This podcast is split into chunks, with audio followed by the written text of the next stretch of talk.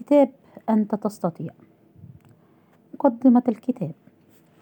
أكثيرة هي الأشياء التي لا تستطيع فعلها. أكثيرة هي الأحلام التي لا تستطيع تحقيقها. من قال أنك لا تستطيع. ولم قد تؤمن بكلامه حتى لو كان القائل أنت. حسنا. لما يجب أن تؤمن أنك تستطيع. الجواب ببساطة. لأن الله سبحانه وتعالى خلقنا مليئين بطاقات وقدرات عظيمة. بسم الله الرحمن الرحيم وفي أنفسكم أفلا تبصرون. سورة الذريات الآية 21 فلم لا نستثمر هذه الطاقات والقدرات لحياة أفضل. ولم لا نخرج القدرات الكامنة فينا لفعل ما نريد. حسنا كيف نستطيع؟ هذا الكتاب محاولة للإجابة على هذا السؤال من خلال مجموعة من القصص الملهمة لأشخاص استطاعوا ومن خلال مجموعة من المقالات الإرشادية حول كيف نستطيع تحقيق بعض الأهداف الشخصية والاجتماعية وتغيير بعض السلوكيات الخاطئة. أرجو أن تجدوا فيها المتعة والفائدة وأن أكون وفقت فيما اخترته. من مقالات وقصص والله ولي التوفيق.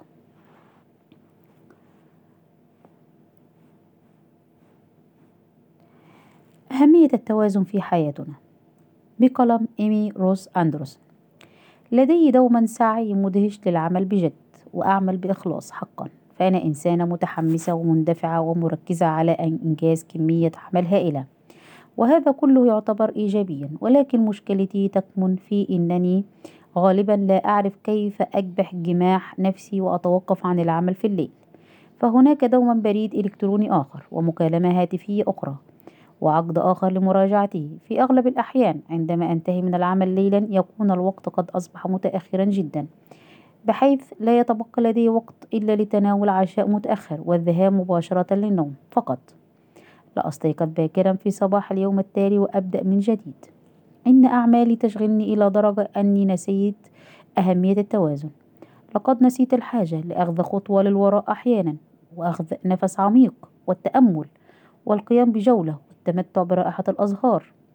أعتقد أنه شيء مشرف وجيد أن تعمل بجد. إني أعتقد ذلك حقا. وإذا كان أحد ما يريد أن يرجح كفة الميزان إلى جهة أو لأخرى فأنا أعتقد بأنه ربما من الجيد أن يدعو الأمور ترجع ترجح إلى جهة العمل أكثر قليلا من جهة اللهو فبعد كل هذا هناك ذلك المثل القديم.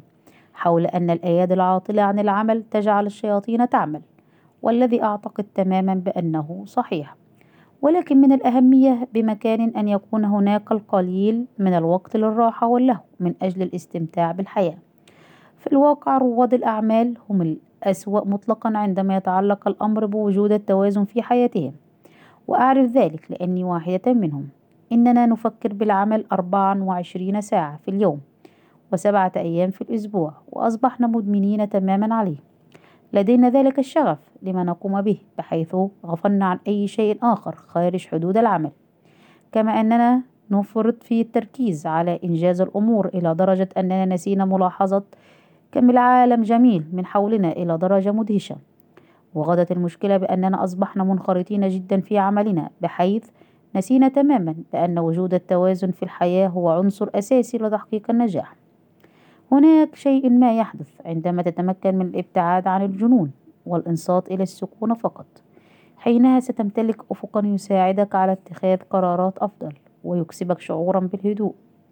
ويجعلك تمتلك المقدرة على رؤية الصورة كاملة مرة أخرى.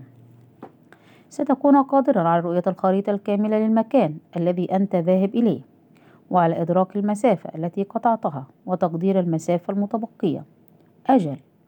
إن تخصيص بعض الوقت لتستعيد توازنك وتخصيص بعض الوقت للتمتع برائحة الأزهار هو جزء هام جدا ضمن سعيك لأن تكون أفضل شخص يمكنك أن تكون عليه.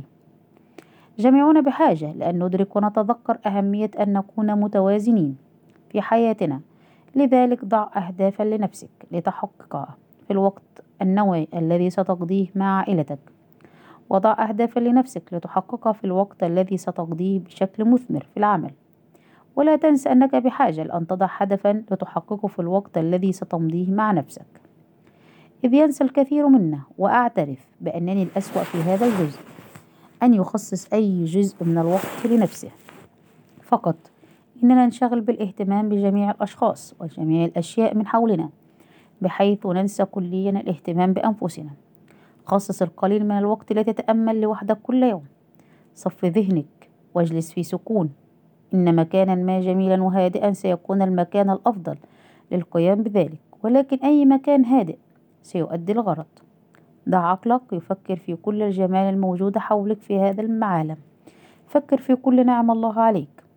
أولا تفكر بشيء أو لا تفكر بشيء على الإطلاق. فقط أدخل فقط أدخل في حالة سلام.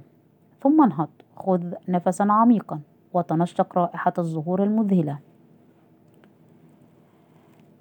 بعد الحب التوازن هو أهم شيء.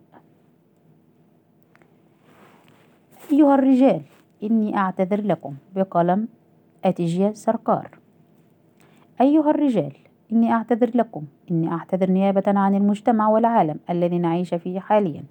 والذي علمكم أنه ليس من الرجولة بمكان الحديث عن الأشياء التي تهمكم الأشياء التي تؤثر بكم أو الأشياء التي تجعلكم سعداء أو حزينين. لقد نشأتم وسط أشخاص يربطون الأخوة بتناول المشروب في عطل نهاية الأسبوع والتدخين أثناء اللعب فيفا ثمانية عشر. والحديث عن النساء مما جعلكم تنسون أنه يمكنكم الحديث مع الرجال الآخرين عما تمرون به. فدفنتم كل شيء بداخلكم. أيها الرجال إني أعتذر لكم لأن صحتكم النفسية لم تؤخذ بالحسبان أبدا لقد ترعرعتم وحيدين ولم تعترفوا أبدا بما تشعرون به أيا كان. وكان هذا بداية مشواركم مع الوحدة الوحدة التي كلما هربتم منها أكثر كلما أصبحتم أقوى. أيها الرجال إني أفهمكم لقد كنت مكانكم أيضا لقد هربت من هذه المشاعر الفظيعة. لوقت طويل حتى وصلت تقريبا إلى درجة أني ربما لم أكن حيا أرزق اليوم لو لم أتقبل ما كنت أمر به. فأنا لم أتحدث عن الكوابيس ونوبات الهلع والاكتئاب مع أشخاص كنت أناديهم إخوتي لأني أعتقدت أن ليس هذا ما يفترض بالرجال الحديث عنه. دفنت كل شيء في داخلي وعندما أصبح الأمر أخيرا يفوق طاقتي على الاحتمال حاولت إنهاء حياتي. استغرق الأمر قرابة عام بعد ذلك حتى فهمت أن رغبتي بالحديث عن الأشياء التي كانت تزعجني هو أمر ليس له علاقة برجولتي فالأشخاص الذين يحبونك حقا يجب أن يكونوا قادرين على تقبلك كما أنت. الضعف يولد القبول إنه أمر تحتاج إلى شخص يخبرك به يوميا حتى تبدأ بتقبله أنت نفسك. ولا علاقة لرجولتك بما تشعر به. لذا عبر عما بداخلك. أنت رجل حسنا لا يزال باستطاعتك التعبير عن مشاعرك فالمشاعر ليست حكرا على النساء. أكثر خمسة أشياء ندم عليها الناس في آخر أيامهم. عملت بروني وير لسنوات عديدة في مجال تقديم خدمات الرعاية لتخفيف وطأة المرض وأمضت الوقت مع العديد من الأشخاص خلال الأسابيع الأخيرة من حياتهم. وعندما كانت تسألهم عن أي إحساس بالندم كانت هذه الأمور الخمسة الأكثر ورودا. واحد. أتمنى لو كان لدي الشجاعة لأعيش الحياة على طبيعتي وليست وليس الحياة التي توقعها الآخرون مني. لقد كان هذا أكثر أمر شائع الندم عليه عندما يدرك الناس أن حياتهم على وشك الانتهاء وينظرون إلى الخلف بوضوح حينها يرون بسهولة كم من الأحلام تلاشت ولم تتحقق. إذ لم يحترم معظم الناس حتى نصف أحلامهم واضطروا لمغادرة الحياة وهم يعلمون بأن ذلك حدث بسبب الخيارات التي التي اتخذوها أو القرارات التي لم يتخذوها. من المهم جدا أن تحاول وأن تحترم بعض أحلامك على الأقل خلال مسيرتك ولكن في تلك اللحظة التي تفقد فيها صحتك يكون قد فات الأوان. إذ تمنحك الصحة حرية كل من يدركونها قبل فقدانها. اثنان. أتمنى لو أني لم أعمل جاهدا إلى تلك الدرجة. سمعت هذا من كل رجل مرته لقد فاتتهم طفولة أولادهم. ورفقة شريك حياتهم. تحدثت النساء أيضا عن ندمهن بسبب هذا الأمر. ولكن لأن معظمهم كان من الجيل القديم لم تكن العديد من المريضات الإناث معيلات لأسرهن بينما شعر جميع الرجال الذين مرضتهم بالندم العميق. لقضاء الكثير من وقتهم في سعي حثيث العمل. بتبسيط نمط حياتك واتخاذ قرارات واعية على طول الطريق. قد لا تكون بحاجة إلى الدخل الذي تعتقد أنك بحاجته. ومن خلال خلق مساحة أكبر في حياتك تصبح أكثر سعادة أو انفتاحا على فرص جديدة. فرص ملائمة أكثر لنمط حياتك الجديد. النقطة الثالثة أتمنى لو كان لدي الشجاعة لأعبر عن مشاعري. يكبت العديد من الناس مشاعرهم من أجل الحفاظ على السلام مع الآخرين ونتيجة لذلك رضوا بمكانة متواضعة ولم يصبحوا أبدا الشخص الذي كان بمقدور بمقدورهم أن يصبحوه بالفعل. كما عانى العديد منهم من الأمراض الناجمة عن المرارة والاستياء المضمرين. لا يمكننا التحكم بردات فعل الآخرين ومع ذلك وعلى الرغم من أن الناس ربما قد تبدي ردة فعل في البداية عندما تغير طريقتك في الكلام وتصبح صريحا فإن ذلك سوف يرتقي بالعلاقة إلى مستوى أكثر صحة وجد. إما سيحدث ذلك أو أنك ستتحرر من هذه العلاقة الغير صحية في حياتك وفي كلتا الحالتين أنت الرابح. النقطة الرابعة أتمنى لو أنني بقيت على تواصل مع أصدقائي. في أغلب الأحيان لا يدرك الناس الفوائد الحقيقية للأصدقاء القدامى حتى يصبحوا في الأسابيع الأخيرة من حياتهم.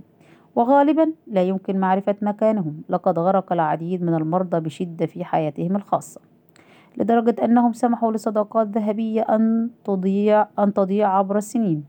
فكان لديهم ندم عميق لعدم منحهم الصداقات الوقت والجهد الذي تستحقه. أجل يفتقد الجميع أصدقائهم وهم يحتضرون. من الشائع لأي شخص يعيش نمط حياة مزدحم أن يسمح لصداقاته بأن تضيع. ولكن حين تواجه بحقيقة موتك الوشيك تنهار قيمة التفاصيل المادية للحياة قد يرغب الناس حقا بترتيب أمورهم. المالية إن أمكن ولكن ليس المال أو الوضع المالي هو الأمر الذي يشكل أهمية حقيقية بالنسبة لهم. إذ أن أكثر رغبة في ترتيب أمورهم هي لحرصهم على مصلحة من يحبون. على الرغم من أنهم عادة يكونون أكثر مرضا وإرهاقا من أن يتدبروا هذا الأمر. فتجد كل شيء يرجع إلى الحب والعلاقات. في النهاية هذا كل ما يتبقى في الأسابيع الأخيرة الحب والعلاقات. النقطة الخامسة والأخيرة أتمنى لو سمحت لنفسي أن أكون أكثر سعادة. هذا ندم شائع بطريقة مفاجئة حيث لا يدرك الكثيرون إلا في النهاية أن السعادة هي خيار. لقد بقوا عالقين في الأنماط والعادات القديمة وفاضت الراحة المزعومة. وانتقلت إلى مشاعرهم ومستوى الجهود التي يبذلونها. كما جعلهم خوفهم من التغيير يتظاهرون أمام الآخرين وأمام أنفسهم بأنهم راضون. بينما هم في أعماقهم يطوقون للضحك من قلوبهم ولأن يتصرفوا بصبيانية من جديد. عندما تكون على فراش الموت يغدو ما يفكر بك الآخرون بعيدا عن ذهنك. كم من الرائع أن تكون قادرا على النسيان وأن تبتسم من جديد قبل فترة طويلة من موتك. الحياة خيار إنها حياتك أنت. لذا اختر بوعي واختر بحكمة واختر بصدق اختر السعادة. استمتع بالحياة. اليوم فالأمس ذهب والغد قد لا يأتي أبدا. انتهى التسجيل.